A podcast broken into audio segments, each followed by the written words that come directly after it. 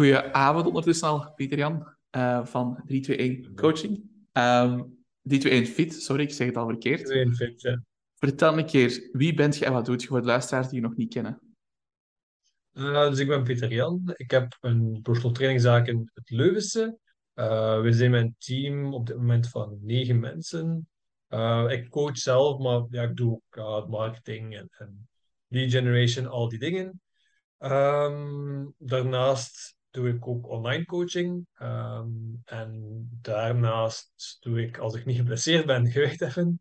En uh, heb ik een zoontje en vriendin natuurlijk ook. Uh, een zoontje van vier maanden en een half ondertussen. Valt al een beetje mee, uw zoontje? In combinatie met het runnen van uw offline en online zaak? Um, ik heb de laatste jaren wel heel veel proberen mijn eigen agenda ook zo wat te structureren. Zodat ik zo, ay, structuur en ook ergens wat flexibiliteit. Uh, en die online training is daar één van. Um, en dat maakt dat ik wel wat meer kan zien van hoe of wat ik alles een beetje um, ja, verschuif. En zo wat taken doorgeven en ook dat, dus dat maakt dat het nu wel kan. Uh, want in het begin was het wel sowieso heel moeilijk. Ik werkte veel minder dan verdien. En dat was wel even frustrerend ook, omdat je zo niet alles wat je vroeger gedaan kreeg, nog gedaan kreeg. Um, maar het gaat, kort gezegd, het gaat. Want het is, het is een aanpassing.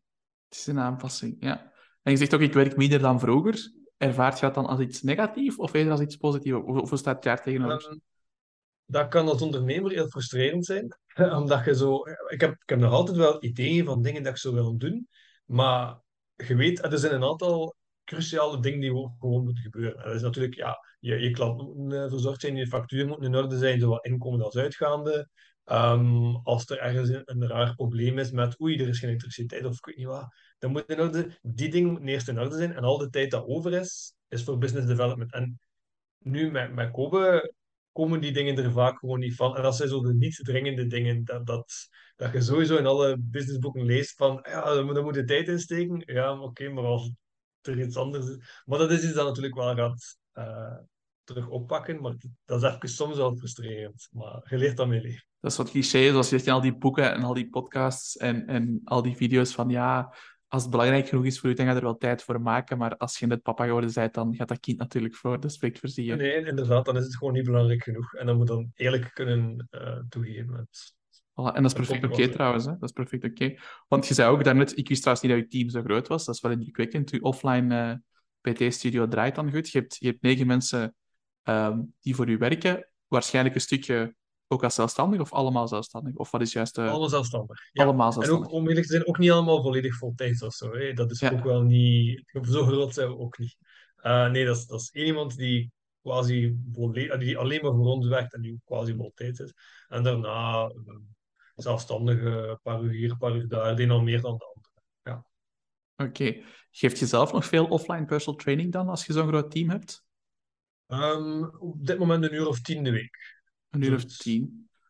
Oké, okay, ja. super. En uw rol voor het offline stukje is dan vooral, zoals je net ook zei, lead generation, marketing, dat soort zaken? Ja, en dan um, oh, administratie van, uh, van ja, de, de facturen of uh, contracten uitwerken, betalen. Ja, dus alle andere dingen die ja, ja. de website, van, allee, samenwerking voor de website, daar heb ik ook iemand voor, maar toch, ja, zo die dingen.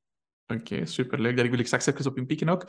Nu, als je zegt, ik heb, ik heb negen mensen die voor mij werken als zelfstandige, om een idee te hebben van de omvang van die zaak, uh, als dat iets is wat je wilt delen, um, hoeveel offline klanten heb je zo ongeveer in je PT-studio op dit moment?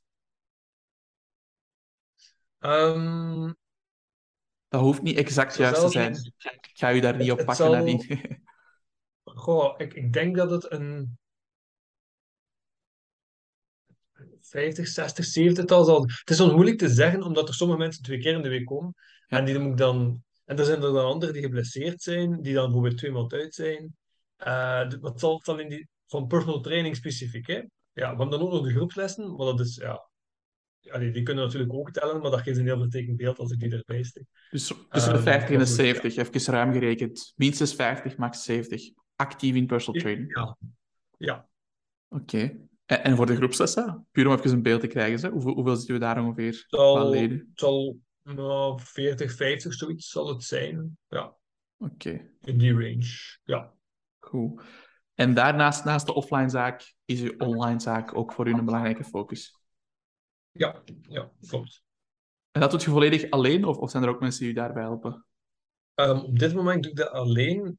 Doe dat wel zijn om dan als, de, uh, als ik terug wat meer tijd en energie erin kan steken en dat dat wat omhoog gaat, dat ik dan ook aan andere coaches kan vragen. Want dat was een beetje, um, dat was ook een van de redenen om dat online te starten, omdat, zoals al de personal trainers die luisteren wel weten, ja, je hebt zo vaak een gat in de, middag. Van heel veel mensen toch, dat je hebt morgens, je hebt avonds en tussenin zo hier en daar een zelfstandige die kan komen. En om dat zo op te vangen en om meer stabiliteit te geven, dat is ook wat meer vrijheid, wou die online starten. En ja, het zou super tof zijn moest ik dat met andere coaches ook kunnen geven, die, dat, die dan ook op die manier zo wat gaten wat kunnen vullen. En, ja, dus het is zeker wel de bedoeling om, om uit te breiden. Ja. Er is ambitie om echt online ook een team uit te bouwen. Uh, het, liefst, het liefst zelf nog een team dat ook offline is.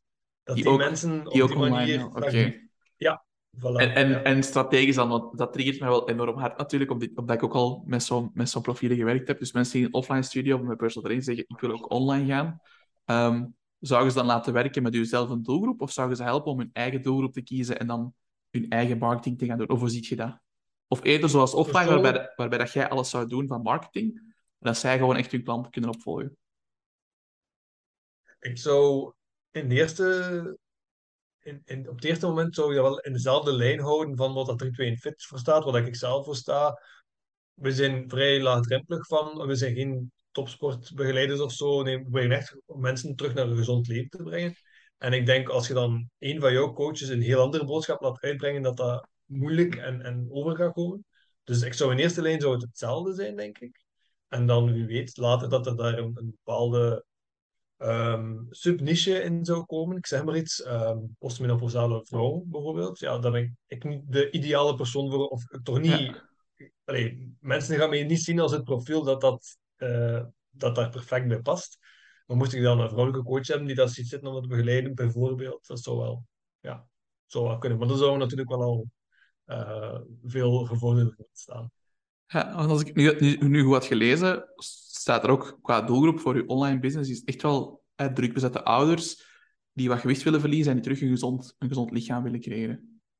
Ja, dat is inderdaad de hoofddoelgroep, maar we hebben nog altijd wel mensen die via onze 3 Fit binnenkomen en dan... Dat dat ik meer... Um, ook, ook ik meer me profileer online en op die manier, ja, mensen herkennen zich daarom dat ik zelf ook een jonge ouder ben. Maar het is zeker niet dat, dat er geen uh, mensen van, van 50 bijvoorbeeld, die, die wat oudere kinderen hebben, dat, dat die niet meer uh, binnenkomen of zo. Dat gebeurt ook nog altijd. Vaak. Dat, is, dat is goed dat je dat ook even zegt, want dat wil ik ook even benadrukken. Van, ik ben ook iemand die heel erg gelooft in je doelgroep bepalen als marketeer. Hè.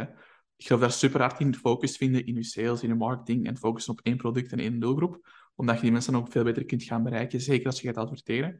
Wat ik ook altijd zeg tegen onze coaches is, zolang als jullie ruimte hebben om klanten op te starten, en je werkt met mannen en een vrouw stuurt je een berichtje van hey, kun je mij ook helpen? En je kan die persoon helpen. Ja, start die gewoon op. Dat is geen probleem. Hè? Het belangrijkste is gewoon dat je die persoon kan helpen. Als je iemand krijgt met echt complexe chronische pijnen en, en je weet daar niks van, dan moet je durven doorverwijzen. Maar als je die kunt helpen, start die gewoon op. Dat is geen probleem. dat is zo wel een dingetje waar, waar dat veel startende online coaches zo, zo mee kampen van ah ja, maar als ik mij nou focus op die doelgroep, mag ik die andere mensen nog wel helpen? Ja, tuurlijk. Als je ze kunt helpen. Absoluut, ja. Zeker weten. 100% akkoord, ja. Goed, superleuk. Um, nu, je zegt ook, ik doe lead generation. Um, voor, voor de offline business onder andere dan. Zou je daar iets over ja. willen delen, hoe dat je dat juist aanpakt voor je offline business? Want jullie zijn gevestigd in Leuven, hè, als ik het niet mis heb. Ja. In Leuven, oké. Okay. Ja, in Leuven is best wel wat concurrentie. In Leuven is best wel wat concurrentie, ja, ja. absoluut. Um, het grootste deel van onze klanten komt via onze website. en ze zeggen ook gewoon, we typen in op Google en jullie komen er als eerste of tweede uit. Uh, omdat we na een aantal jaren, we zijn nu zes, zes en een half jaar actief, denk ik, um, hebben we wel een goede reputatie opgebouwd en dat toont zich ook in de reviews. Um, en dan, ja, dat is al een groot deel. Daarnaast hebben we ook een deeltje, klein deeltje Google Ads. Dan hebben we nog een klein deeltje um, um, mouth-to-mouth, gewoon ja, referrals. Dat komt ook nog vaak voor. En dan nog een deeltje via social media. Dus een beetje de algemene flow. Dus, dus alles is organisch, behalve Google advertenties. Daar wordt wel op geadverteerd. Ja. En is dat Ja. dan de zoekterm personal trainer eh, Leuven? Of is er een andere, andere keywords die je Ik daarvoor zou het moeten gebruikt? opzoeken. Ja, ik, ik denk. Is dat? Ja, ik zou het moeten opzoeken, maar ik denk het wel. Ja, onder andere dat in een aantal termen zo afvallen, leuven. Afvallen Leuven, de klassiekers, personal trainer, personal coach en dan Leuven Ja. erbij. Ja, Zeker geen super geavanceerde crazy strategies of zo. Nee. Dat hoeft ook niet voor, voor, voor offline of voor iets lokaal, zeker niet. Nee. En je zegt ook, onze website scoort op de eerste plaats. Ehm, is het dan ook voor de zoektermen personal trainer. Leuven? Personal trainer Leuven, personal training Leuven, ehm, personal coach Leuven, personal coaching Leuven. Dat zijn die daar voor mij de belangrijkste. En Eh, heb, je daar, zijn, ja. heb je dat zelf gedaan? Of zeg je, daar, zeg daarvoor in zee Nee, met een andere ik heb daar wel eh, hulp voor inschakeld. Vrij vroeg ehm, heb ik met eh mijn personal trainer website samengewerkt. En die, die doen zo SEO, die, die passen die website wat aan. En dat is een Ah, van- dat wel lang Van duurt. Dan. Ja, ja, Ja, ik, ben, ik, ik Ja. ben hem gaan bezoeken in Thailand. Ik weet niet of je het gezien hebt, maar ik ben Echt? hem en zijn vrouw gaan bezoeken als we in Thailand waren. Ja, had gezien dat hij in Thailand was, maar ik wist niet dat je hem had willen bezoeken. Oké, ja, ja. echt super kerel. Echt, echt waar. Maar ik wist niet dat... Ja. Want je hebt ook een Nederlandstalige website, voor alle, voor alle duidelijkheid. Of is het Engelstalig? Ja, Nee, ja, maar ehm, ja, heeft, heeft die website de tekst wel niet geschreven? Hoe hebben we dat gedaan? Ehm, ik weet het niet meer. Die heeft op een bepaald moment heeft hij in het Engels gestaan en dan hebben we die, heb ik die, of is de basis?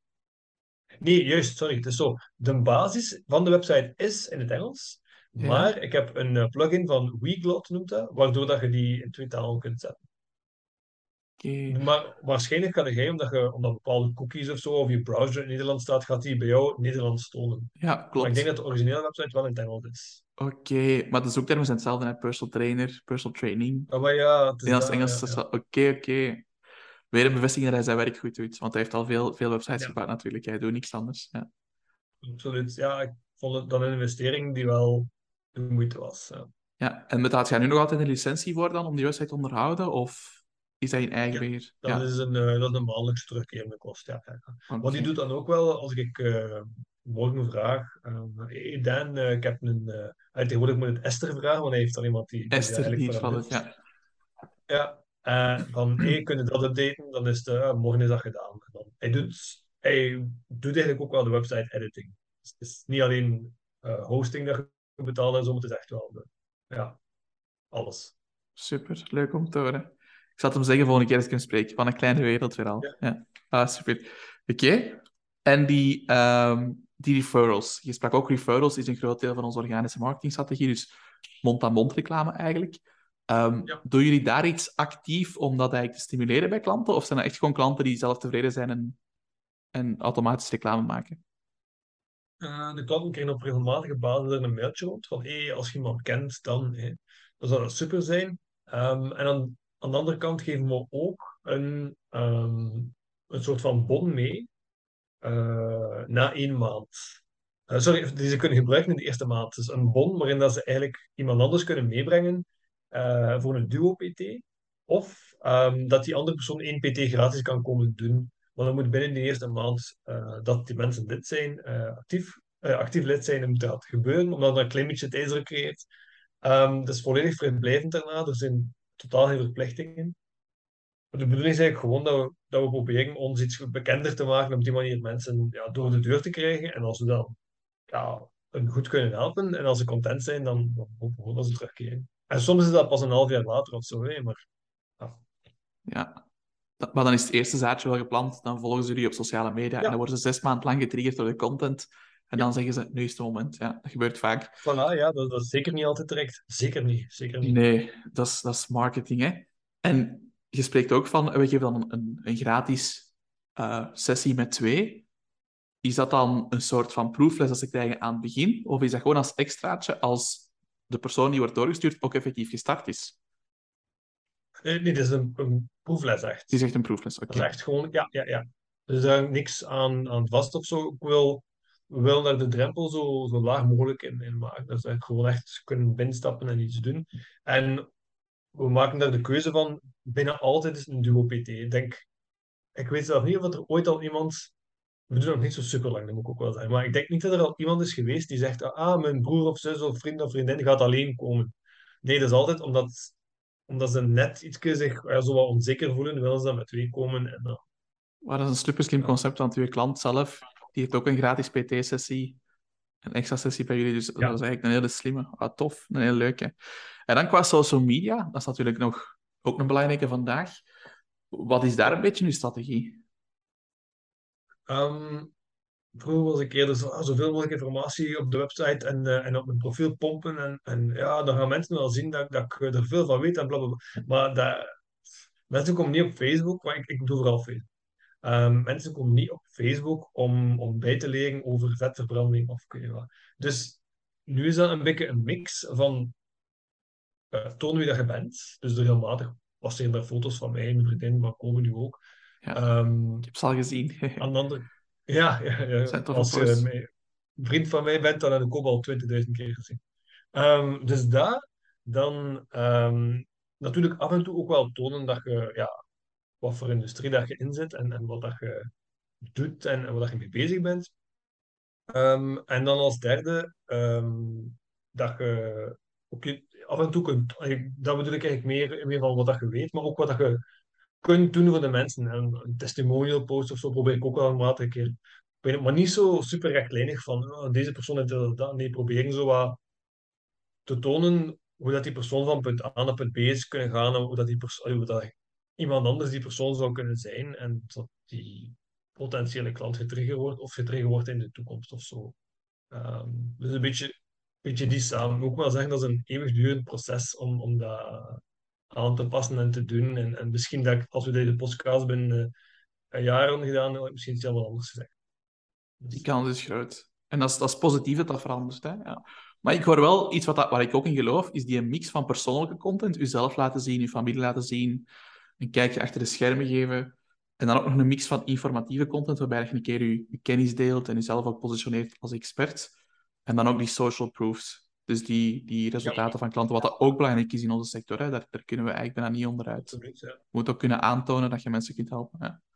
Dat is, dus die drie zijn eigenlijk een beetje de, de steunpilaren van je contentstrategie op Facebook, als ik het zo hoor.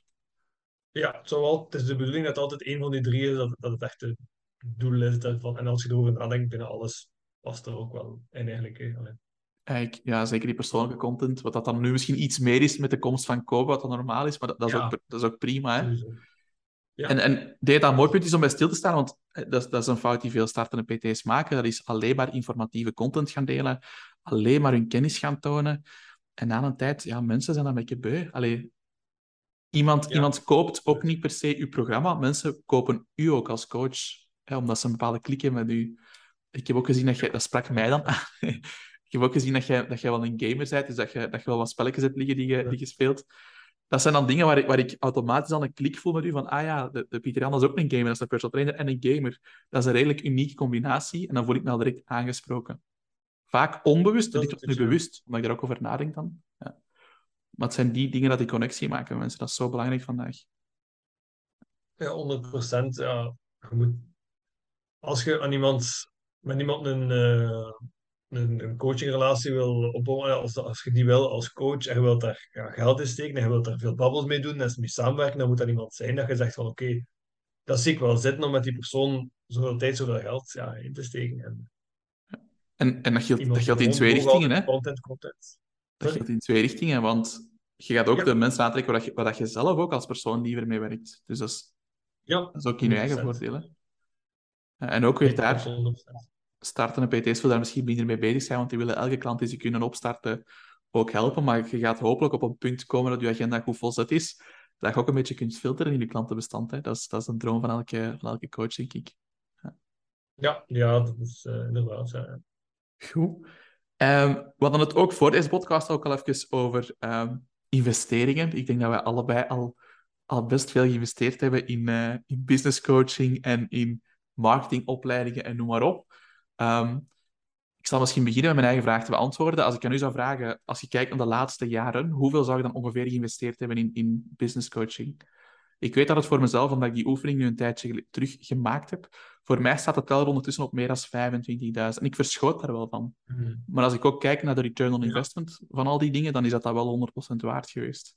Sommige iets Ja. minder dan andere, maar dat is altijd zo. Ja, ik, ik denk dat ik wel vrij gelijkaardig heb. Ik denk tegen de 20. Tegen de 20 zal het zijn. Toch Ja. ook een serieuze investering. O- over een periode van, van zes jaar en een half sinds de start van, eh van 3 eh, korter eigenlijk. Korter, Ah, vooral de laatste jaren. Heb ik al, voordien heb ik wel een aantal opleidingen gedaan, hè. Maar dat was dan eerder effectief. Ik heb zo onder andere de CrossFit Level 1 gedaan, ik heb de Precision Nutrition gedaan, ik heb zo, zo die. trainingsspecifiek, ja. Ja, het is dat. En dan naar de laatste mm, drie, ik denk drie jaar. Ja, drie jaar zou ik zeggen twintig, zoiets. Ja. Tegen de twintig, ja. Oké. Ja, denk het, ja. En, en als je dan terugkijkt op al die opleidingen, wat zijn voor u dan eigenlijk de belangrijkste zaken geweest die je geleerd hebt, waarvan je echt zegt van oké, dat heeft voor mij een grote doorbraak gemaakt in het ontwikkelen van mijn zaak? Dat is een moeilijke vraag. Hm. Het ding dat ik zei van, van de marketing, van niet alleen kennis uitpompen, dat is sowieso een heel belangrijk. Ehm, zien dat je... Hebben we het nu specifiek over, over eh, online, of over eh, brick and mortar, of, of... Maar een combinatie zijn van beide. Ehm, Ja. omdat je daarnet Oké. ook zei, ik, ik ben zelf veel bezig met marketing en met lead generation voor zowel de online business als de offline business. Dat mag een beetje van beide zijn. Ja, Ehm, het goed kennen van je klant en potentiële klant vind ik wel heel, heel, heel belangrijk. En dat is super cliché, Ehm, maar dat is wel. Dat is wel super, super belangrijk, om- omdat je dan weet tegen wie dat gaat praten bent. Ehm, en ja, in het algemeen wil iemand aanspreken die een, een beetje gelijkaardig is aan jou. Ehm, maar hoeft niet, niet volledig zo te zijn natuurlijk ook niet. Maar ja, wie, wie- welke persoon zou er naar jou luisteren en, en ja, wie denk je dat je zelf aantrekt en hoe, hoe denkt die persoon, hoe, wat doet die persoon? Die dingen zijn wel heel belangrijk, denk ik, in marketing. En ik denk dat dat wel een van de dingen is dat ik daar geleerd heb. Structuur, proberen zoveel mogelijk structuur in je business te brengen. En ook, dat is misschien nog een van de belangrijke, ehm, dat je, dat je een duidelijk systeem hebt gezet van welke taken heb ik en, en hoe kan ik die op een of andere manier verdelen. Dat is zeker iets voor als, als je een bedrijf hebt dat iets groter wordt, ehm, dat je af en toe dingen kunt offloaden. In het begin is dat heel ehm, scary, omdat je altijd denkt dat je het zelf best doet. Of dat het nu waar is of niet. Ik ben 100% zeker van dat dat niet waar is, dat ik alles het best doe. Zeker niet. Ik weet alleen maar dat ik het het best doe zoals dat ik het zelf denk dat het best is. Maar dat niet wil zeggen dat het het best effectief is. Gewoon dat, dat durven loslaten en weten dat een andere persoon dat, dat vaak ja, beter kan doen dan jou. Eh, dat is even een ego-check. Ja. Maar wel heel belangrijk. En dan, gewoon- dat, dat maakt ook vrij, tijd vrij voor, eh, want op een bepaald moment kun je gewoon niet alles meer, meer zelf doen. Dus ja. ja. Gelijk die website was een voorbeeld hè, dat we daar net over hadden. Ja, dus daar- in het begin, ehm, toen ik startte als personal trainer, had ik, keek ik op zondag namiddag naar twee uur lange video's van dat je je website op, eh, op wat was dat, WordPress, ehm, zelf kunt maken. Ja, en dat is allemaal goed wel in het begin als je nog veel tijd hebt, maar op een bepaald moment, dat is ook zoiets Dan van, dat die beter een expert inhuren die dat, want, ja, ehm, en die dat dan veel beter doet. En, en Maar ook dat, is, ook dat is geloof ik een proces waar je door moet. Hè? Want als je tegen een startende PT zegt van hey, ik bouw hier een professionele website voor u, waarbij je gegarandeerd in de top 3 gaat scoren voor personal trainer Leuven bijvoorbeeld, en je zegt dat is 2000 euro, ja, dan is dat wel verschieten. Maar als diezelfde personal trainer al maanden zelf aan het sleutelen is aan de website, dan stijgt de waarde van dat product gigantisch in prijs. Om te denken van, "Pff, ik weet nu hoe moeilijk dat is, ik ga het uit handen geven. En dat is iets wat we Ja. altijd zien terugkomen bij die startende PT versus een ervaren PT. En die, die drempel om te investeren in hulp, die, die, die wordt kleiner en kleiner. Dat is wel, eh, Ja. dat is wel leuk om te zien. 100%. En dat is ook gewoon deel van dat proces. Je kunt dat niet versnellen. Dat is gewoon ervaren en er doorgaan. Ja. Nu, om daar eens op in te pikken, want je hebt eigenlijk drie duidelijke bullet points gegeven. En ik, ik heb er alle drie wel wat vragen over. Ehm, dat stukje je ideale klant leren kennen. En wij, wij vragen aan onze personal trainers bijvoorbeeld ook tijdens een opleiding altijd is doe een marktonderzoek. Dus bepaalt u een doelgroep al vooraf. Dus zeg, oké, ik wil mannen helpen met afvallen, of ik wil vrouwen helpen om zich terug goed in hun vel te voelen, of ik help sporters om hun prestaties te verbeteren, wat het ook mogen zijn. Maar ga ook een marktonderzoek doen. Ga niet alleen vanuit je eigen idee een product creëren, maar ga ook luisteren van wat wil je doelgroep, wat zijn uw struikelblokken en zo verder. Heb, jij een bepaalde strategie die je toegepast hebt om echt zo de, die doelgroep goed te leren kennen? Of is dat vooral gebaseerd op de ervaring die je met de doelgroep hebt? Ehm, de, de mensen die het meest bij mij komen, zijn mensen die allee, voor, voor de 2 fit zijn en mensen dat ik al in het verleden mee gewerkt heb. Dat zijn gewone mensen die terug willen fit worden. En na een aantal jaar leerden die dan wel, kennen en wat die doen en zo. En, en hoe dat ze um, leerden hun, taal min of meer kennen. Allee, niet letterlijk wat dat ze zeggen, maar ja, gewoon wat dat ze mee bezig zijn en wat dat belangrijk is en wat niet belangrijk is. Ja. En dan, ja, tweede voor de online heb je nu wel chance. Ja, jonge ouders al mijn vrienden zijn jonge ouders. Je dus, bij de dus bron. dat weet ik heel goed. Dus, ja, al de struggles en al de, de pijnpuntjes. Ik ben zo ook net een tikkeltje later dan de meeste van hen, zo, zo één of twee jaar achter. Dus dat maakt dat ik al twee jaar lang al die problemen gehoord heb. dus ik weet heel goed voorbereid. dat is. Ja, inderdaad. Ja. Ja. Dat, is misschien ook wel een leuke. Ehm, gelooft je dat het een grote meerwaarde, of, of gelooft je dat het essentieel is om uw doelgroep te zijn of te zijn geweest? Dus dat je zelf eigenlijk als ervaringsdeskundige kunt terugkijken op... Ik ben vroeger bijvoorbeeld offline PT geweest en ik heb mijn zaken naar plus 8000 euro per maand gegroeid. Alleen dan kan ik ook die mensen gaan helpen. Denk dat dat essentieel is, of hoe staat je daar tegenover? Ehm, ik denk wel dat een, een heel veel, een groot deel credibiliteit geeft. Ehm, en maar ik denk dat dat niet per se over coaching gaat, maar over op alle vlakken. Ehm, dat, dat je altijd wel meer gaat opkijken en meer gaat geloven. Misschien, misschien dat op die manier ook een soort van bias is die, allee, die zichzelf zo wat, dat, self-serving bias of zo, ik weet niet meer exact, self-fulfilling prophecy. Ja. Ehm, dat je meer gaat geloven in iemand die het al gedaan heeft en, en daar meer achter gaat staan dan, dan iemand die dat niet. Ik, het zou voor mij veel moeilijker zijn om, om te zeggen van ik ben een coach voor jonge ouders. Dat, zou, dat gaat makkelijker, omdat ik dat gewoon ben. Ja. Ehm, en in plaats van te zeggen van ik ben een coach die vrouwen begeleidt na de menopauze.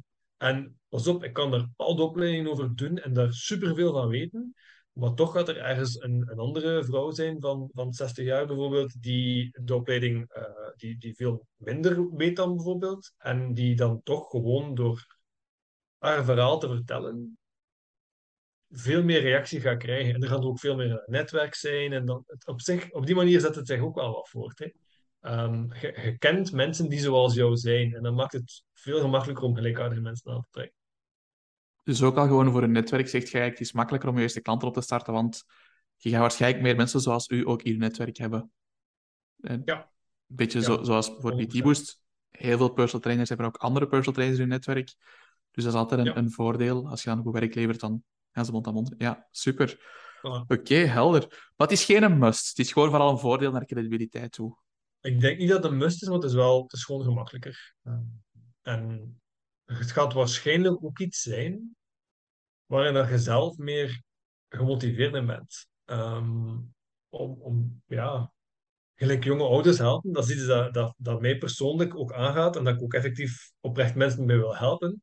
En niet dat mevrouw menopauze niet interessant is of niet, maar, maar gewoon op dit moment in mijn leefwereld, jonge ouders helpen is gewoon wat dat, wat dat elke dag, wat ik zelf probeer voor mezelf te doen. Dus allee, je zit daar gewoon de hele dag mee bezig. En En Ja. allee, dat maakt misschien nu ook je marketing een stuk gema- gemakkelijker. Want je zegt gewoon letterlijk iets aan het doen overdag. En je denkt van, goh, nu heb ik dat voor gehad met onze Kobe.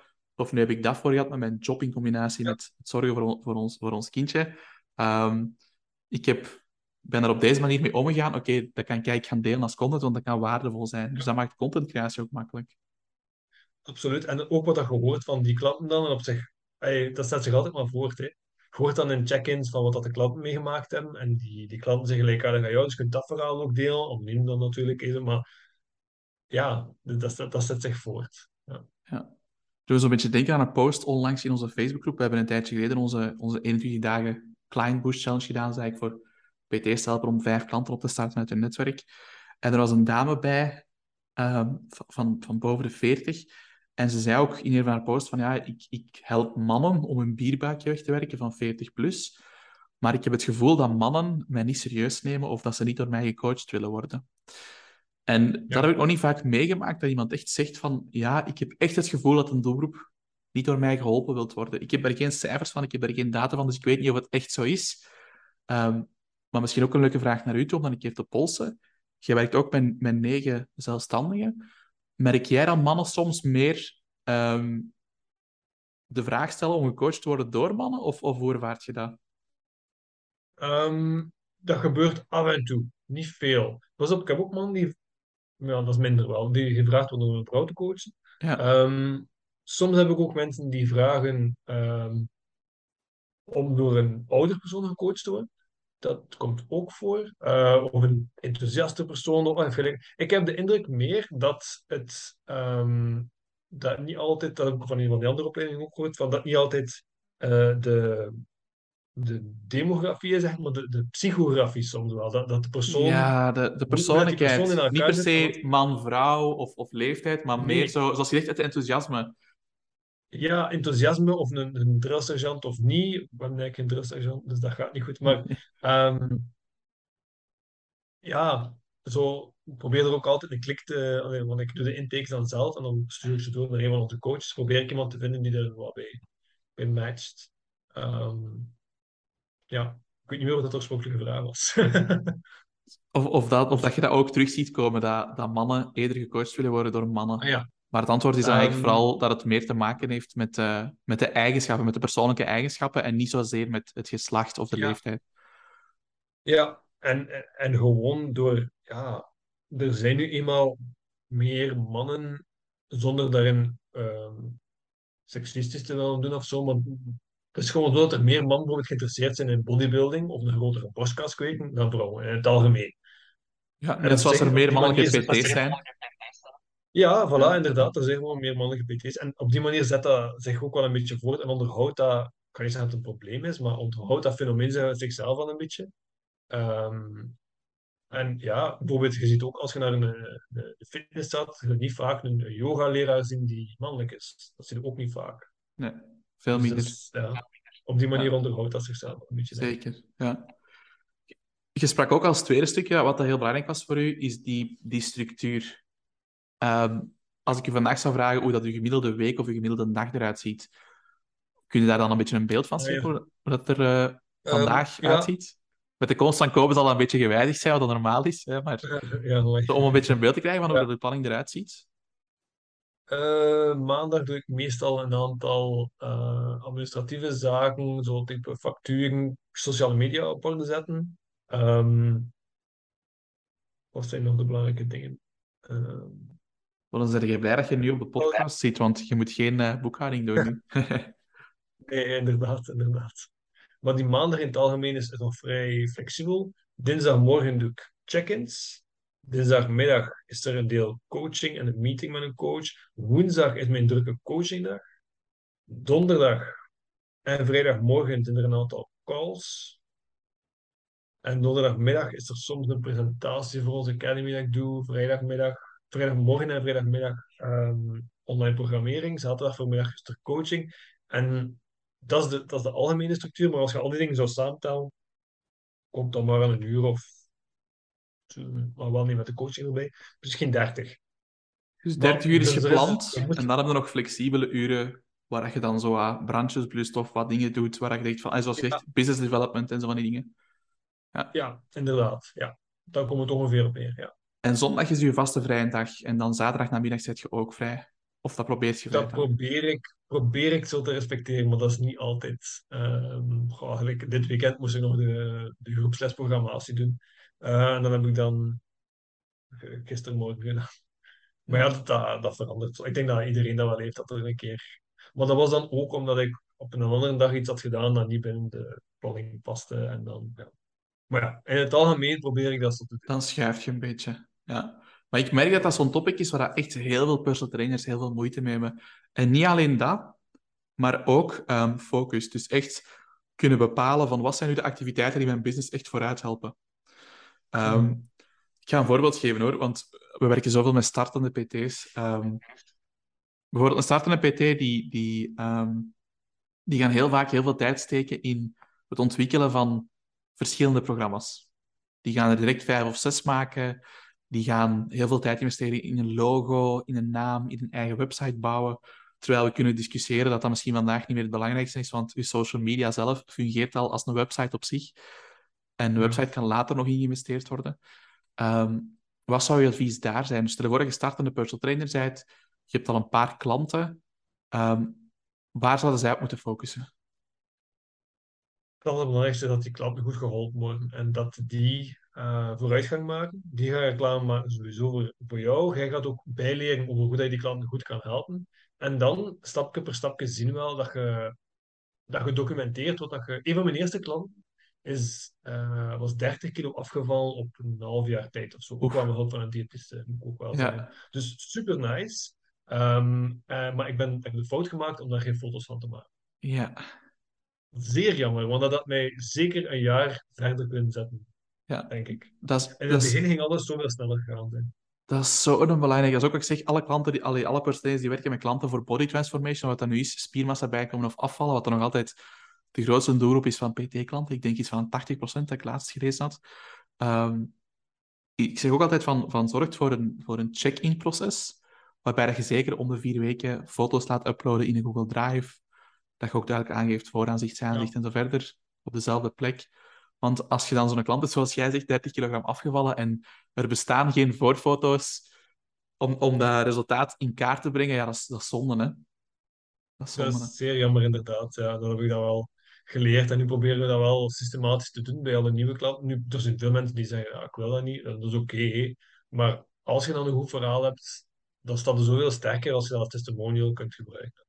Ja, en je hebt het zelf ook gedaan, want je, je bent bij Bell Coaching ook een tijdje actief geweest, heb, ja, heb ik gezien. Ja. Zelf een serieuze transformatie neergezet, ook als klant een keer zo'n personal training traject doorlopen. Ja. Uh, hoe, pak je, hoe, hoe pak je dat nu aan bijvoorbeeld? Voor, want je zegt ook van, ja, sommige klanten die, die willen dat niet doen. Hoe gaat je daarmee om? Zeg je dan echt gewoon van, het moet niet en dat is oké? of... Um, we zeggen, proberen al eerst uit, ik probeer dat tegen mijn coaches te zeggen, want zelf heb ik geen nieuwe klanten meer uh, die niet online zijn, toch? Um, zeg van, kijk, um, zeg zeker dat die, die foto's die worden niet gebruikt zonder toestemming. Dus dat is nooit de bedoeling. Superbelangrijk. Um, en zelf, als, ja, absoluut. En als dat niet, uh, zo kunnen dat, dat is ook niet dat dat uh, met heel weinig kleren is of zo. Dan mag gewoon met een t-shirt, die het liefst niet te los is natuurlijk, want dan zie je niks. Maar gewone kleding mag ook perfect, geen probleem. Als ze dat niet willen, kunnen we nog met zo'n smiley face of zo op doen, dat kan ook. Um, en als ze dat niet willen, dan zeg ik, kijk, ik zou sterk aanraden om het gewoon voor jezelf thuis te doen. Um, en dan hebben wij die foto's niet, maar dan is dat voor hun toch iets. Ja. Um, dat en als ze dan kunnen kijken, want ik. Ja, ja. Als ze dan toch dat resultaat boeken, dan gaan ze misschien toch zeggen van, ah ja, nu ben ik wel trots, dus nu mogen we het delen. Maar vaak is dat schaamte hè, over, over hun huidige lichaam en, en, en inderdaad, zoals ja. schrik om dat, om dat zelfs met u als coach privé te delen, dat kan een grote drempel zijn. Ja? Absoluut, ja. Sommige mensen komen ook van ver. Als je van 120, 130 kilo komt, snap ik dat er zeker een schaamte bij is. En, en ja, dat is moeilijk. Ja. Dat is ook in mijn ogen een van de redenen waarom de mensen soms personal training doen, omdat ze zich niet op hun gemak voelen in een gewone traditionele fitness, waarin dat iedereen rond is en, en daar aan het kijken is en zo, en dat ze zich ja, niet op hun gemak voelen. En een foto online posten is, is ja, ook niet gemakkelijk. Nee, zeker niet. Maar ik vind het wel leuk dat je zegt, in plaats van te zeggen, ik had, ik had misschien verwacht van ja, focus op je marketing en zo verder, maar je zegt echt focus op je klanten. Zorg dat die resultaten boeken. Ja. En die resultaten ja. zijn sowieso je beste marketing. Of dat dan mond-aan-mond reclame is of de voor- en na-foto, dat maakt niet zoveel uit. Ja. Plus ook retentie. Hè. Een groot probleem bij, bij veel startende PT's is echt die retentie. Altijd maar op zoek Absoluut, naar, naar, nieuwe klanten en, en na twaalf weken gewoon letterlijk zeggen van hey, merci Pietrian voor de transformatie. En dat, dat je letterlijk ook zegt van ja, merci, tot, tot nog eens. Grote fout. Um, doen jullie iets om om na een, een 12 weken traject een, een soort van vervolgstap aan te bieden? Of, of, of hoe gaan jullie jullie retentie verbeteren? Uh, op dit moment zijn we bezig met uh, een, een, mogelijke overschakeling naar abonnement. Dat zou een optie zijn, of toch als optie. Oh, we gaan zien hoe we die transitie maken. Want Ik zou dat absoluut dat doen.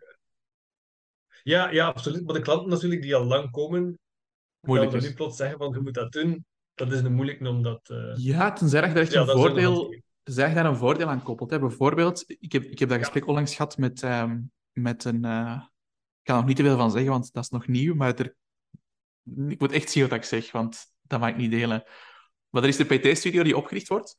Uh, en ze waren ook heel erg aan het twijfelen over beurtenkaarten en abonnementen. We hebben eigenlijk alle voordelen, voordelen en nadelen opgelijst. En uiteindelijk, abonnementen kwamen eruit als winnaar.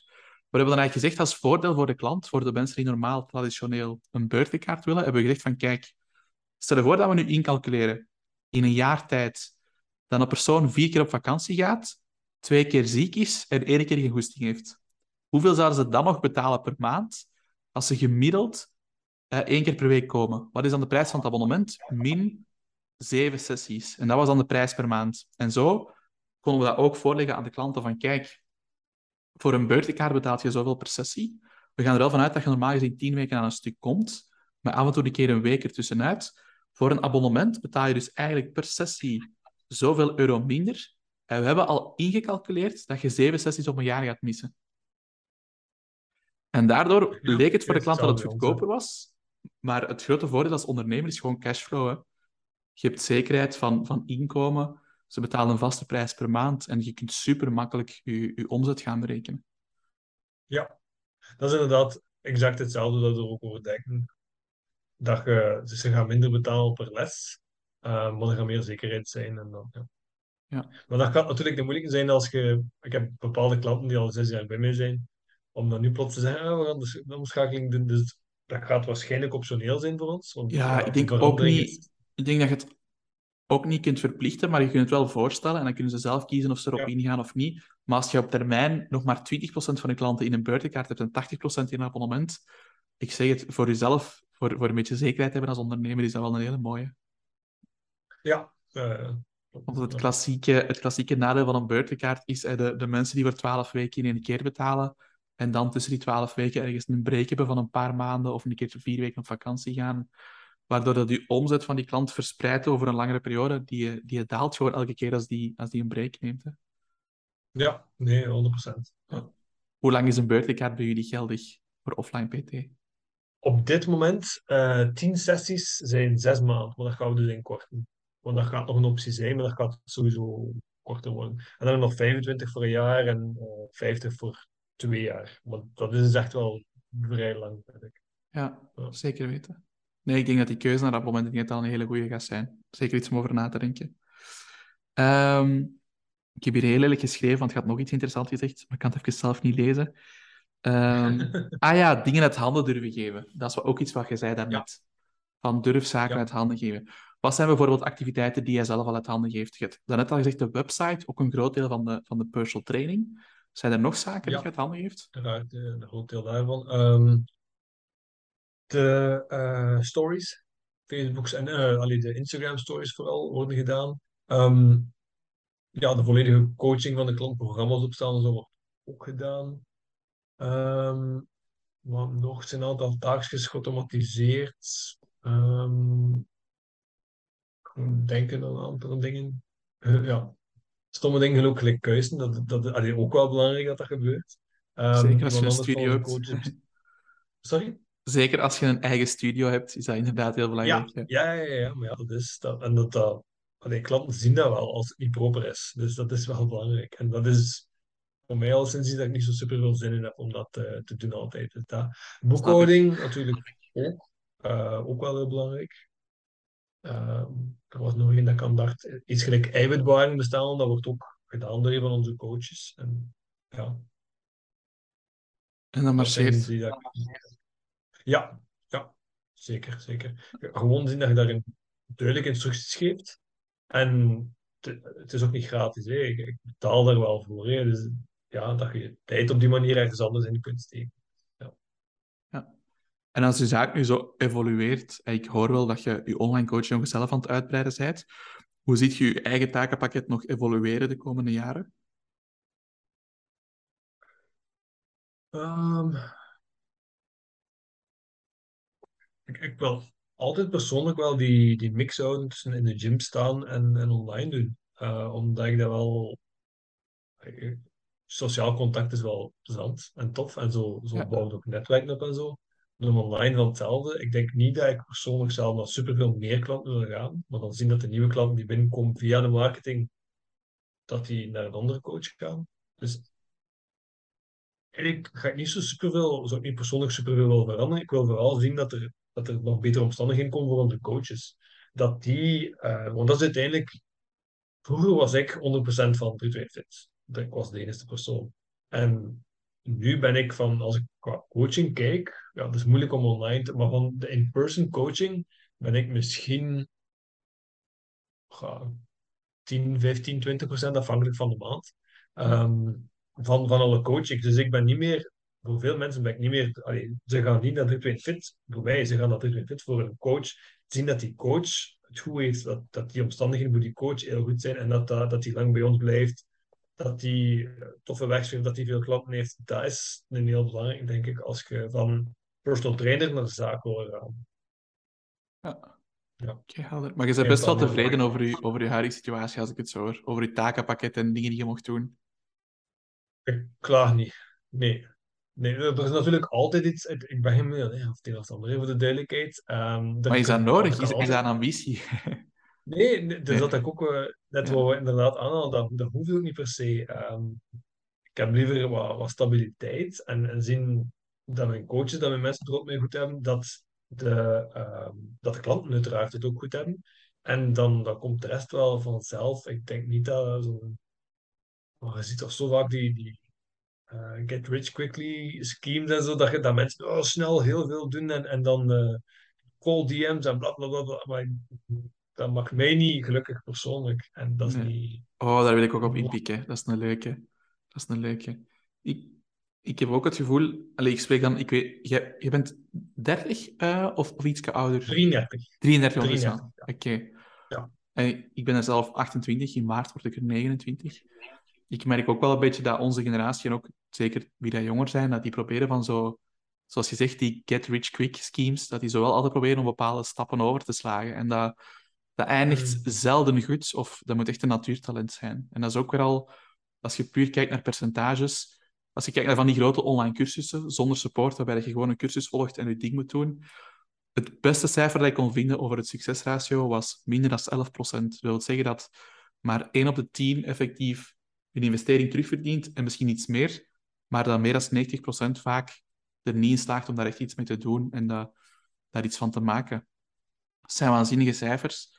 En ik denk dat dat een groot probleem is, dat mensen moeten meer leren genieten van dat proces en elk stapje leren zetten voordat ze... Hè, het voorbeeld dat ik altijd geef is, ik krijg vaak zo'n intakeformulier binnen van, ja, ik, ik heb nu vijf klanten en ik wil 10.000 euro verdienen binnen een jaar. En dan ga er al een belletje rinkelen in mijn hoofd van oké, voor deze persoon ga ik eerst even kort opbellen voor ik uitnodig voor een intake, want de kans is groot dat die een onrealistische verwachting heeft van wat dat personal training en ook online PT inhoudt. Uh, en ik ga dat ook vertellen. Dus als die ambitie niet iets lager ligt om het op een duurzame manier te doen, dan weet ik niet dat deze een goede, een goede fit gaat zijn.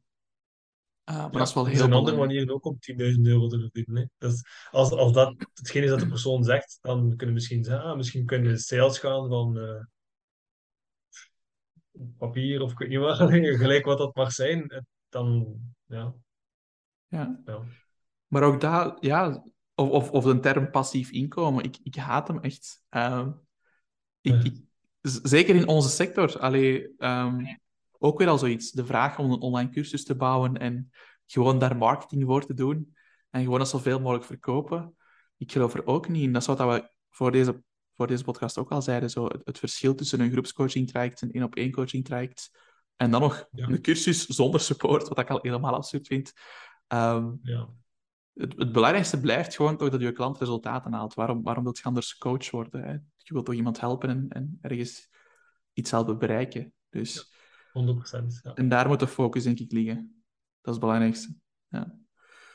Nu, wat ik daar ook nog van wil zeggen, is... Je zei daarnet ook, zo van, die, zo van die cold DM's sturen, voor wie niet weet wat dat is. Dat zijn van die koude berichten sturen elke dag.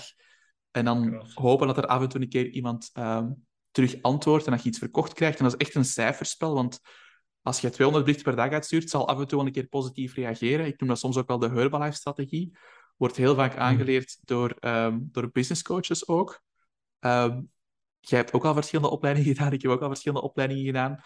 En in drie, drie trajecten met een business coach werd het ook aanbevolen om echt effectief in Facebookgroepen te duiken, daar actief te zijn, zoveel mogelijk mensen toe te voegen als vriend en elke dag zeker 100 berichten uitsturen uh, naar vreemden. um, ik veronderstel dat jij een gelijkaardige ervaring hebt, Pieter Jan, omdat je ook zegt, ik ga de berichten uitsturen, daar word ik niet gelukkig van. Nee, nee. Ik selecteer ook wel de opleiding die ik gedaan heb. Dat is een opleiding die dat niet aanbevelen. Nee, dat is niet...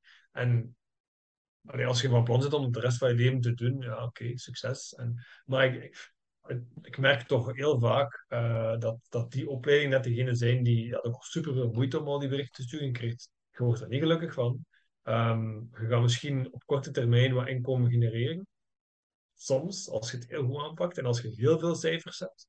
Um, maar stel dat je, ja, ik, ik zou er niet gelukkig van worden. Dat zijn ook al de coaches dat je dan na een jaar of zo ziet stoppen, nee, omdat ze compleet uitgebrand zijn. En dan, ja. Ook een probleem, 100%. Ja. Alleen wat jij ook zegt, ik, ik durf ook eerlijk zeggen, doorheen de jaren te ondernemen. Ik ben, ben nu ben drie jaar PT geweest. In maart ben ik nu drie jaar fulltime PT geweest. Dus ook ongeveer zes jaar aan het ondernemen nu. En ik heb op verschillende momenten gedacht van, vind ik het nog wel tof? Is het al die stress waard? Al die slapeloze nachten waard? Eh, ik denk dat iedereen dat wel eens heeft, als we er eerlijk over zijn. Ja. Maar het moment dat ik echt, echt gezegd heb van, als dit ondernemen is, dan hoeft het voor mij niet. was het moment dat ik inderdaad mijn tweede business coach die gewoon zei, stuurt zoveel berichten uit. Ik heb dat echt een paar maanden aan een stuk gedaan. En ik vond dat echt niet plezant. Gewoon de hoeveelheid afwijzingen die je krijgt. De mens kan maar zoveel afwijzingen aan. Het is gewoon ook niet leuk om te doen. En ik zat gewoon elke dag zes of zeven uur op sociale media. En dat was echt een nachtmerrie. Dan dacht ik echt van, oké, dat is blijkbaar hetgeen wat je moet doen om te groeien. Laat het dan maar zijn voor wat het is. Ja, dus, nee, dat wil ik ook nooit uh, persoonlijk. Nee, daarom ben ik geen coach geworden. En dat voelt want als je dat zoveel doet, dan, hoeveel tijd heb je dan nog over om, om effectief die klant te helpen? Toch, ja, niks. Nee. nee. Nee, dat mag mij niet. Dat werkt ook maar kort een tijd, want na een tijdje aan mensen naartoe gaat ook. Je kunt in principe wel eindeloos mensen bereiken, maar na een tijdje droogt dat ook op, denk ik. En dan, maar ik weet het niet, want ik heb er geen ervaring bij. Ja, maar het is dus... ook zo gezegd. Ik ken ook wel een aantal personal trainers die, die meer dan, of, of coaches in het algemeen, die meer dan 10.000 euro omzet draaien met zo'n strategie. En die dan op termijn ook iemand extra in dienst nemen om, om dan die cell chat over te nemen. Maar dan komen we weer tot een ander verhaal. Want dat is wat jij dan net ook zei, en dat zie je enorm. Dat is van, ik wil voor mijn coaches ook een betere situatie creëren. Ik wil dat die nog gelukkiger zijn in hun job en dat die nog meer klanten hebben en zo verder. Dat je misschien in plaats van ene, er meerdere fulltime kunt uh, voor je laten werken als zelfstandige. En dat, dat gevoel heb ik dus ook van, ik, ik, wil ook geen jobs creëren voor iemand onder mij, iets wat ik zelf verschrikkelijk vind, waarvan ik weet dat eigenlijk niemand het graag doet. Allee, ja, ja, nee, nee, ja. Dat is zoals cold calling, hè. Dat is zoals ja. die cold calling centers. Die hebben de, de grootste cijfers van burn-out en depressie. Maar ja, doe het maar eens. Hè. Die, die moeten met zoveel afwijzing omgaan elke dag. Ja. Dat wordt ook niet, als je dat daar krijgt als telefoon, dat ze dat weer zijn van, ja, ik kan nu geen bedrijf noemen, maar er zijn er wel een aantal dat je waarschijnlijk kent die dan bellen naar ja, ja, uw energierekening of telefoonrekening en dan ik word er zot van, nee. Nee. Mijn gsm staat ook standaard op stil. Nu ben ik aan het filmen, maar ik was spannend zoeken. Met, met het scherm naar beneden, dat ik echt... Ik, ik pak geen telefoon, ook klanten weten dat ze mij niet mogen Ah ja, ik is hetzelfde, ja, ja. Anders krijg je gewoon niets gedaan. En ook die cold calls, ja. Onbekende nummer. Als het belangrijk is, spreken ze wel iets in, anders pak ik niet op. Ja. Zo is ook een goed advies voor alle ondernemers. Ja. Goed. Absoluut. Uh...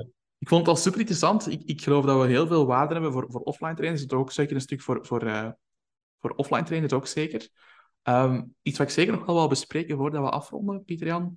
Uh, ook als je dat wilt delen natuurlijk. Je hebt in het verleden ook al gewerkt met marketingbureaus voor leads te genereren met betaalde advertenties. Um, hoe heb je dat ervaren en wat was voor u de, de leerervaring daaruit? En zou je ook nog overwegen om in de toekomst nog te doen? En waarom wel of waarom niet? Hmm.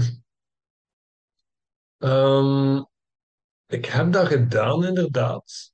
Um, mijn ervaring toen was dat de kwaliteit van de leads niet, niet hetzelfde was. Um, omdat je als je daar te ver gaat en daar te veel geld op smijt, gaan de mensen, dat is opnieuw mijn ervaring, ik zeg niet per se dat dat juist is, maar dat je, dat je een grotere groep gaat, ik zeg maar iets, als je allee, 100 mensen zou aantrekken, dat is een heel groot getal, maar bon, dat je voordien eh, allee, van 100 mensen, dat je 100 mensen daar met die, met die marketing, dat je dan 20 mensen een klant zou krijgen. Maar als je voordien minder marketing zou doen en gaat bijvoorbeeld 40 mensen die geïnteresseerd waren en daar worden dan 15 van niet, dan kunnen ze zeggen, ah ja, maar je percentage is, ja oké, maar je hebt 5 mensen meer, maar je hebt goed niet veel geld in je marketing gestoken. Dat was hoe dat ik het toen ervaarde, maar pas op, ik doe nu ook nog altijd hetzelfde, heel basic eh, online eh, advertenties. Maar om nog maar superveel geld achter te smijten, ik denk, hmm, ben ik toch niet helemaal van overtuigd. En is het dan vooral voor je offline of voor je online bedrijf dat je nog die advertenties draait? Uh, voor allebei een beetje. Is het dan rechtstreeks voor afspraken of is dat voor een e-book? Of welke strategie toe? dat is een e-book, dat zou een goede zijn om in de toekomst te doen. Dat is nog zo een van die dingen dat ik ga doen, ik Kobe naar de crèche gaat. Maar ehm, op dit moment is het een verwijzing naar de website. En op de website staat er dan een, eh, de, de specifieke pagina dat wat echt, waar ik uitleg hoe, dat, hoe onze personal training werkt, hoe onze online training werkt. Daar staat er een filmpje op bijvoorbeeld. En daar staat er dan een, een klik hier als je een afspraak wil. Ja. Dus het is niet heel hard push in your face. En komt daar eh, veel uit? daar komt af en toe wel iets uit. Dus soms ook, ja, je kunt dan zien hoeveel mensen dat erop klikken en zo. Ik Ja. zal er meer op opvolgen. Maar eh, ja, Ja, er komt best wel iets uit. en Oké. En als je spreekt van, van eh, best wel budget, mag ik dan vragen hoeveel budget dat je daar tegenaan gooit per dag tegen zo'n advertentie? dat Nee, superveel budget, superveel budget is dat wel niet hoor. Nee. Een paar euro's per dag. Oké, maar dat loopt wel een heel jaar door. Nu een paar maanden al. Ja. Nu een paar maanden al. Dus dat is ook een periode. Dat, is ook, dat kan misschien een periode zijn dat ik zeg van oké, we zijn eigenlijk redelijk vol op dit moment. Dus dan ga ik even gewoon afzetten. En, eh, Ah, tuurlijk. ja. tuurlijk. Nu, een van de dingen, en dat wil ik misschien wel even met u delen, is ehm, wat dat wij aanbevelen, zowel als offline als online trainers, is gebruikt vooral advertenties, niet voor afspraken, want de adverteerrecht voor afspraken is gigantisch duur. Ik ken collega's die ook in Leuven, net zoals u, actief zijn, die tussen de 50 en de 100 euro per dag in advertenties pompen voor afspraken. Eh, dan moet uw marge op je product al heel hoog zijn om dat echt winstgevend te houden en te blijven groeien. En uw retentie moet ook goed zijn, anders ga je daar verlies op maken. Dat zijn best wel, best wel pittige prijzen. Maar wat ik eigenlijk vaak zeg of adviseer is van kijk, je kunt voor 5 tot 10 euro per dag, kun je 5 tot 10 leads per dag genereren met een gratis training of een e-book, een soort van lead magnet waar je iets waardevol weggeeft. En je zou dan ook die mensen bijvoorbeeld op je bedankpagina, dus mensen melden zich aan via een landingspagina waar de gratis training staat. Maar dan kun je zeggen op je bedankpagina van hey, ik heb naast deze training nog twee extra trainingen voor A en B. Wilt je die ook graag ontvangen, dan kun je gratis lid worden van onze Facebookgroep. En dat is eigenlijk een heel leuke manier, en een, ook een, ja, zal ik zeggen, een aangename manier om leads te genereren. Die mensen te converteren naar een Facebookgroep, of als je een hele jonge doelgroep hebt, naar een Discord-server bijvoorbeeld. Er zijn verschillende platformen voor een community te bouwen. En dan kun je gewoon, zoals je nu al doet, je organische content in je Facebookgroep delen. En via die manier mensen de tijd geven om je te leren kennen. En af en toe een keer een call to action voor een programma. En dan kun je op die manier ook klanten gaan genereren. Maar ik kan u garanderen dat je return on investment voor een veel lager budget veel hoger zal liggen als je het geduld hebt om die mensen ook effectief die connectie te laten maken met u. En dat is iets waar ik, waar ik heel erg in geloof, wat we nog altijd zien dat dat heel goed werkt. Wat dat ik ook aan het promoten ben bij offline trainers, om daar ook eens over na te denken. Ja, nee, dat is heel interessant. Eh, merci. Zeker eh, vanaf dat er tijd komt, is dat zeker iets om te voilà, bekijken. als er tijd komt. Want jij hebt ook al een Facebookgroep, hè, toch? Die je gebruikt voor... Ja, eh, ja, ik heb ook een Facebookgroep, ja. Ja. Specifiek voor de Fit Parents Playground en dan Ja. eh, memes, artikeltjes en, en dan ja, content eigenlijk echt die op mijn persoonlijk profiel is. Dat meer, allee, is dan een mix van een beetje content, een beetje testimonials en, en veel over gewoon mijn eigen leven. Ja. Maar daar is het meer content voor echt specifiek voor specifieker eigenlijk, hè? Ja. Ja. En, en dat is een belangrijk onderdeel van uw marketingstrategie ook, om echt klanten uit te halen uit die groep. Daar komen regelmatig wel klanten uit, ja, zeker. Ja. En zo leren ze ook beter me, me kennen en dan, dan post ik na, niet elke week. Niet hier is het contactformulier elke week. Nee, maar gewoon af en toe posten dan een keer en dan komt er hier en daar komt er zo iemand daardoor. Ja. En heb je ook zo van die echte verkoopsposts die je dan deelt in die groep af en toe, of, of dan minder? Wat bedoel je exact met, met zo echte verkoopsposts? De klassiekers zijn van, van kijk, eh, deze maand ben ik nog op zoek naar drie jonge papa's die zoveel buikvet willen verliezen. En ik heb dat moet een aan drie zaken voldoen. Ja, ik heb dat, eh, ik heb dat nog gedaan in het begin. En ja, dat, dat, dat wisselende successen. Pas op, dat- kwam wel wat uit, maar nu al een hele tijd niet meer gedaan. En ook om eerlijk te zijn, omdat het gewoon op dit moment even gewoon goed is. Het is ook niet, ja, omdat ik even minder tijd heb om. En je hebt genoeg klanten. mensen Ja. op dit moment, en zeker met de omstandigheden met COVID, moesten er morgen tien klanten zich aanmelden, zou ik een probleem hebben, omdat ik ze niet kan, wel kan helpen en omdat ik nog niet op tijd ben om een andere coach op te leiden om dat te doen. Dus daarom dat dat nu niet direct... eh, Dat is eigenlijk een, een Ja. super gezonde situatie om in te zitten. Hè. Dat is echt fantastisch. En dat, dat is wat ik zeg tegen onze coaches ook, zeker de starters weer al, van gelooft dat je dat punt ook gaat bereiken. En Want als startende coach dan is het echt al heel moeilijk om, om je eerste 10 of soms 15 klanten op te starten. En dan, dan is het soms moeilijk om je voor te stellen, ah, ooit ga ik een punt bereiken dat ik voldoende klanten heb. Dat ik echt gewoon content kan maken omdat het plezant is om mensen te helpen, zonder dat ik te veel moet gaan verkopen. Maar ik ben ervan overtuigd, als jij nu nog zes maanden gewoon je content maakt zoals je het nu doet, met heel veel persoonlijke content, heel veel waarde, en je zegt binnen, binnen bijvoorbeeld zes maanden van ah, ik heb een nieuwe coach, ik heb tien plekken vrij, en je doet zo'n post, ik ben op zoek naar tien mannen, dat je daar ook veel meer respons op gaat hebben, omdat je de mensen gewoon heel veel tijd hebt gegeven om, om je te leren kennen en, en vertrouwen op te bouwen. Ja. Dus dat is, dat is echt super, super fijn om te horen. Ja. Goed. Eh, ik heb al veel van die tijd genomen, Pieter, en ik wil je daar keihard voor bedanken. Als we toch nog zouden afsluiten met een paar tips voor die startende personal trainers, wat zou je aan hen nog zeker willen meegeven? Ehm, mm. Ontwikkel zeker jezelf. Dat je, en dat, dat gaat over veel meer dan alleen coaching. Hè. Ehm, het, gaat, het gaat over dingen gelijk, ja, toch iets gelijk een, een website of basics van business management en zo. Dat is, dat is wel belangrijk dat je dat kunt. Of zie dat je iemand hebt die dat beter kan, dat je mee samenwerkt. Ehm, en die je dat leert. Als je specifiek voor personal training zelf, als je een personal trainer wil zijn, een goede relatie met klanten opbouwen. En, en een training gaat over veel meer dan alleen eh zijn er nu 10 herhalingen of 12 herhalingen, of zou ik die een benchpress doen met dumbbells of met een bar? Dat hangt misschien af van je doelgroep, maar mijn doelgroep persoonlijk, dat, is niet zo super relevant of, of belangrijk voor hen. Ehm, maar een goede relatie opbouwen is wel belangrijk naar retentie toe. Dus dat is ook belangrijk. Eh, en ja, zeker voor jezelf ook te zorgen dat je durft. Ehm, en pas op, dat is wel, in het begin is dat wel echt hard werken en is dat veel. Ik werkte quasi elke dag vroeger helemaal in het begin. Maar na een tijdje kun je geleidelijk aan zeggen: Oké, die een zondag, dat doe ik niet meer. Ehm, of, of die avond eh, speel ik basket of, of ik weet niet wat. Ehm, dat je dat durft ook afblokken voor jezelf en dat je, dat je ziet dat je zelf niet opbrandt, want er is niemand ja, iets mee. Nee. Nee, en dat is ook wel, dat is ook wel een, een- iets wat dat heel vaak voorkomt in onze sector ook, waar dat heel weinig over gebabbeld wordt, omdat dat ook wel een beetje trots is. Maar dat is wat ik daarnet ook zei, ik durf toegeven dat ik, dat ik op verschillende momenten heb getwijfeld om te stoppen, omdat het even te veel werd allemaal. Van, zou ik toch niet in loondienst gaan werken? En dat is dan ook iets wat dat jij daarnet zei, is van, eh, zowat die, die balans tussen vrijheid uit ondernemen en stabiliteit van inkomen, wat dat je dan meer meer vindt in een, in een job in loondienst. En dat is een keuze die je moet maken. Hè. En ook niet iedereen hoeft te ondernemen. Als je heel graag coacht en je wilt gewoon een volle agenda met klanten, er zijn genoeg PT-studio's, fitnesscentra die altijd op zoek zijn naar goede personal trainers. Dus meld u daar dan aan. Voel je niet verplicht om te ondernemen. Hè. Als je, dat, als je dat stress geeft, en dat is ook een uitdaging van mij, van, eh, van, van mijn coaches, als ik die wel andere taken geven, dat dat iets is dat, dat zij ook effectief graag willen doen.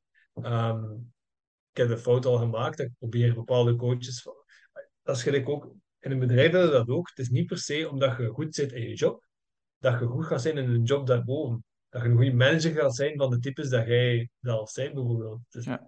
dat, dat is niet altijd. Zien dat je... ehm, ja, doet wat daar jij het beste in bent en, en door in wil groeien is wel heel belangrijk. En daar jezelf je plaats in vinden. Als je een business wil runnen, goed, want dan gaat je dingen bij leren over de business runnen. Als je de, de beste coach wil worden voor high performance atleten, dan gaat het daarvoor bij leren. Jezelf daar een beetje in vinden. En, ja, Wat dat terugkomt op uh, ontwikkel jezelf, hè. blijf investeren in jezelf. Ja. Zeker weten, ja. ja. Nu, um, je zei ook de relatie opbouwen met je klanten, dat is, dat is belangrijk voor je retentie. Ik denk dat dat een belangrijk punt is waar we nog niet op, op, op ingezoomd hebben. Um, mm. Zijn er dingen die jullie specifiek doen voor dat communitygevoel te stimuleren? Om echt te zeggen van oké, dit zijn dingen die ik en mijn coaches extra doen om die band echt uh, te bouwen? Uh, ik vind als begin al heel belangrijk dat de mensen hun, uh, dat je de mensen hun, hun eigen naam natuurlijk, maar ook die van hun partner, van hun kinderen. En op een niet opdringerige manier, maar dat je ze wel een beetje weet van oh, wat doen die van job en, en zo'n dingen. Dat je die persoon echt kent en dat je ook durft dingen over jezelf zeggen. Hey. Um, ook heel belangrijk. En uh, daarnaast, community en personal training wereld vind ik dat sowieso een moeilijk, omdat je, um, iedereen werkt één op één. Hè. Ja. Dus je ja, oké, die klanten zien elkaar soms al bij een overgang of sommige zijn klanten die elkaar nog nooit gezien hebben, de meeste. Maar we proberen wel evenementen te doen. We gaan langs een barbecue. Um, we gaan een Halloween workout doen. We gaan met kerstmis gaan we wel weer iets doen. Allee, zo van die dingen proberen we wel uh, te doen. Ja. Om dat te stimuleren. En vooral ken je klant. Ken de verjaardagen van de kinderen of van ja, hunzelf. Ja, Stuur dat berichtje als ze jarig zijn. ja. Absoluut, 100%. Uh, dus kan niet beter zijn dan dat. En ook, ook dat denk ik dat soms verloren gaat, om, omdat we ook weer al spreek vooral voor starters hier, omdat dat het grootste deel van de luisteraars is die nog geen volle agenda hebben. Dat is, investeert het in die klanten, want dan is uw retentie veel hoger. Mensen gaan langer bij ja. u blijven, omdat die vertrouwensband er is. En dan gaat je veel minder druk hebben op je sales en op je marketing. En dat zie ik zo vaak fout gaan bij, bij al die starters. Is gewoon, ze doen een succesvolle lancering, ze hebben 20 nieuwe klanten. En van die 20 blijft er niemand over. Ja, dat kan niet, hè? Dan, dan doet je iets niet goed. Als er van 20 ja, mensen niemand nee, overblijft, dan ja, gaat er iets fout. Dat okay, super. twee kanten. Ofwel hadden die, ofwel die klant niet genoeg verzorgd, denk ik dan. Ofwel hadden klanten proberen te converteren die eigenlijk gewoon niet klaar waren. En, en dat is dan ook weer een ding met, met van bepaalde sales technieken, om dan over, over marketing. Ja, misschien hadden dat die, die 5% meer klanten of zo, oké, maar als die niet, ja, ja. als dat niet, toch niet de goede is, kan die toch die fout, die fout heb ik ook heel veel gemaakt in, uh, in het eerste jaar van PT Boost. Omdat ik echt gewoon... Hey, ik had mijn job, alleen met mijn PT-business, gestopt. Dus ik moest een nieuw inkomen genereren. Ik had mezelf zes maanden tijd gegeven. Anders ging ik een job in loondienst zoeken en dan terwijl aan het business werken. Dus dat was even, even alles of niks. Dat is gelukkig goed gekomen. Um, dus ik ben daar heel dankbaar voor. Maar wat je zegt klopt wel. Hè. In het begin ook um, heel veel gelezen over volg je klanten steeds op. In dat salesgesprek ook blijf doorvragen. En, en dat moet je ook doen. Je moet, moet weten wat is de reden dat je twijfelt. Maar als je voelt dat een klant niet klaar is om verschillende redenen, ga dan ook niet pushen om toch te starten. Dan hoort je zo van die salestechnieken zoals, ja, maar als je nu niet start, binnen een half jaar is het 50% extra. Of als je nu niet start, kan ik je deze bonus niet meer bieden. En dan vind ik weer, het moet ethisch blijven. Hmm, en, ja, ik ben 100% akkoord mee. Ja, ja. Heb... Eh, wat dat wij ook doen, is dat als mensen niet tevreden zijn, krijgen ze hun geld terug. Het laatste wat ik wel is vijf, zes weken in iemand steken die niet gemotiveerd is. En dan uiteindelijk ga stoppen dat ik al dat geld moet teruggeven en ik ook nog een keer mijn tijd kwijt ben. Dus dat is voor niemand de win. Dus nee. Uh, maar niet tevreden, geld dat is gevaarlijk. Want stel je voor iemand goede resultaten boekt, maar ze willen gewoon de moeite niet doen. Je gaat die garantie dan ook nog altijd. Ze kunnen altijd beroep doen op die... We adverteren daar wel niet mee. We, we doen dat wel, maar we adverteren daar niet mee. Ja. Ik... Dus als ze echt niet tevreden zijn, ga ik dat doen. Dan ga ik daar geen enkel probleem van maken. Want dan klopt er ergens iets niet. Dan moet het zijn dat ik ergens die persoon niet goed heb ingeschat. Dan dat dat toch geen goede fit was. Of dat er iets niet klopte. Um, maar we gaan dat niet als verkoopsargument beginnen gebruiken. Ook, want dan inderdaad krijg je van die mensen die... Oh, pas op, dat, toen ik dat deed, was dat eigenlijk nooit hoor. Maar um, ja, nee. Waar ik, waar ik wel in geloof, en dat is leuk dat je dat even aanhaalt, die garantie, is niet per se die tevredenheidsgarantie, want ja, wanneer is iemand tevreden? Als iemand 5 kilo afvalt, maar ze wil er eigenlijk 10 af, en dat lukt u in, in mm. zes weken of iets heel kort, dan is dat eigenlijk al een supermooi resultaat. Um, wat ik belangrijk vind ook bij een intakegesprek is gewoon heel duidelijk realistische doelen stellen. Dat de klant perfect weet wat dan mogelijk is en wat niet. En als iemand zegt, ik wil 20 kilo afvallen in zes weken, moet jij ook zeggen, van dat gaat niet lukken. En niet gewoon verkopen om te verkopen, want dat is, dan kom je nadien alleen maar in de problemen. Dat is echt... Nee, Geen goed nee, idee. ik heb 100% ja. En zo'n mensen zou ik gewoon zeggen, ik, ik denk niet dat ik je kan helpen. Of, of we gaan extreme Of dingen opdelen doen dan, stapjes, dan laat ik gewoon niet toe. Ja, Ja. voilà. Ja. Ja. Maar wat ik dan zou aanbevelen, is echt een, een resultaatgarantie durven geven. En ik denk dat je sterk in de schoenen moet staan om dat te durven doen, maar dat dat wel... Allee, je, ziet dat, je ziet dat in de Amerikaanse markt, je ziet dat in de Engelse markt. Dat gaat ook overwaaien naar ons, dat is een kwestie van tijd. Die resultaatgarantie, dat je echt zegt van, kijk, we gaan twaalf weken samenwerken. Ik garandeer u dat je dit en dit doel kunt bereiken, mits je ook effectief het werk doet en kunt aanduiden dat je die oefeningen gedaan hebt. Dat is heel makkelijk te trekken met een, met een trainingsapp of iets dergelijks, of met een voedingsapp, kun je dat makkelijk bijhouden. Dat je dan durft zeggen van, kijk, als het in twaalf weken niet lukt om je doel te behalen, dan werk ik gratis met je verder tot je doel wel behaalt. En ze hebben dat Mm, getest. ja. Ze hebben die garantie getest naast een, een zoals jij zegt, een, een, een eh, tevredenheidsgarantie met een terugbetaling. Mensen kiezen voor de garantie waarbij ze hun doel sowieso gaan halen, versus tijd investeren en dan toch hun geld terugkrijgen. Dus een resultaatgarantie is eigenlijk voor u interessanter, want je moet niemand terugbetalen. En je hebt sowieso een tevreden klant, want je gaat sowieso dan hun doel helpen behalen, ook al duurt het iets langer. Mhm. En mensen hebben de natuurlijke neiging om daar toch voor te kiezen, voor zo'n resultaatgarantie. Het enige dat ik me daarbij afvraag, is... Ik heb het zelf nog niet gedaan, dus ik kan het niet zeggen, maar moest ik, ik zeg maar iets, ik wil 10 kilo afvallen, en we zijn op 12 weken maar 3 kilo kwijt, weet ik niet of er nog motivatie zou hebben om verder te gaan met die persoon, omdat ik gewoon nowhere near daar ben. En dat, dat zou me zo'n wrange nasmaak geven, denk ik. Zo van, ik wil eigenlijk niet mijn tijd meer verspillen, want ik denk niet dat het... Maar, maar dan is Maar de keuze... niet dan is de keuze als persoon natuurlijk om te zeggen van nee, ik, ik stop ermee. Dat is, om het even, Ja. heel, om even een, heel, Ja. een heel absurd voorbeeld te geven, dat is, dat is zoals we daarnet zeiden van die koude berichten sturen. Stel je voor dat wij een businesscoach hebben die zegt ik garandeer dat je 10.000 euro per maand gaat verdienen in 90 dagen. Een klassieker. En je hebt ze waarschijnlijk wel zien voorbij komen. Ja. Ehm, en ik moet van die... die- het, het enige dat die persoon zegt is van ja, het enige wat je bij mij moet doen is wel het stappenplan volgen. Als je dat kunt aantonen en het lukt niet, dan help ik je gratis verder. En die persoon vraagt aan mij, stuurt elke dag 100 berichten naar, naar mensen. Ja, no way dat ik dat ga volhouden. Drie maanden lang, no way. Dus dan zeg ik ook al van nee, laat maar vallen. Maar dat is dan ook een belangrijk aspect, vind ik, ehm, in je intakegesprek, is dat je ook vertelt aan je klant of, of aan je lead, hè, ehm, van kijk, dit is onze visie, dit is hoe dat we werken. En dan op Ja. basis daarvan kun je dan zeggen van kijk, we hebben geen zotte verwachting, ik wil gewoon dat je elke week twee workouts doet. Ik wil dat je werkt met een voedingstrekker voor de eerste vier weken, zodat we dat kunnen aanpakken. En ik wil dat je ehm, elke week een keer met mij incheckt en mij een overzichtje stuurt van hoe dat je voelt en of dat alles lukt. Dat is al wat ik vraag. En als je dat doet, dan beloof ik je dat resultaat. Lukt dat niet, dan werk ik gratis met u verder. Dus dat is dan weer het verschil tussen onethisch en ethisch. Als je natuurlijk met zo'n garantie dingen gaat vragen die niet haalbaar zijn, ja, dan is dat weer een, een veredelde verkoopstechniek. Dat is, Ja. dat is niet oké. Right. Klopt. En dat is zowel in marketing als in sales belangrijk.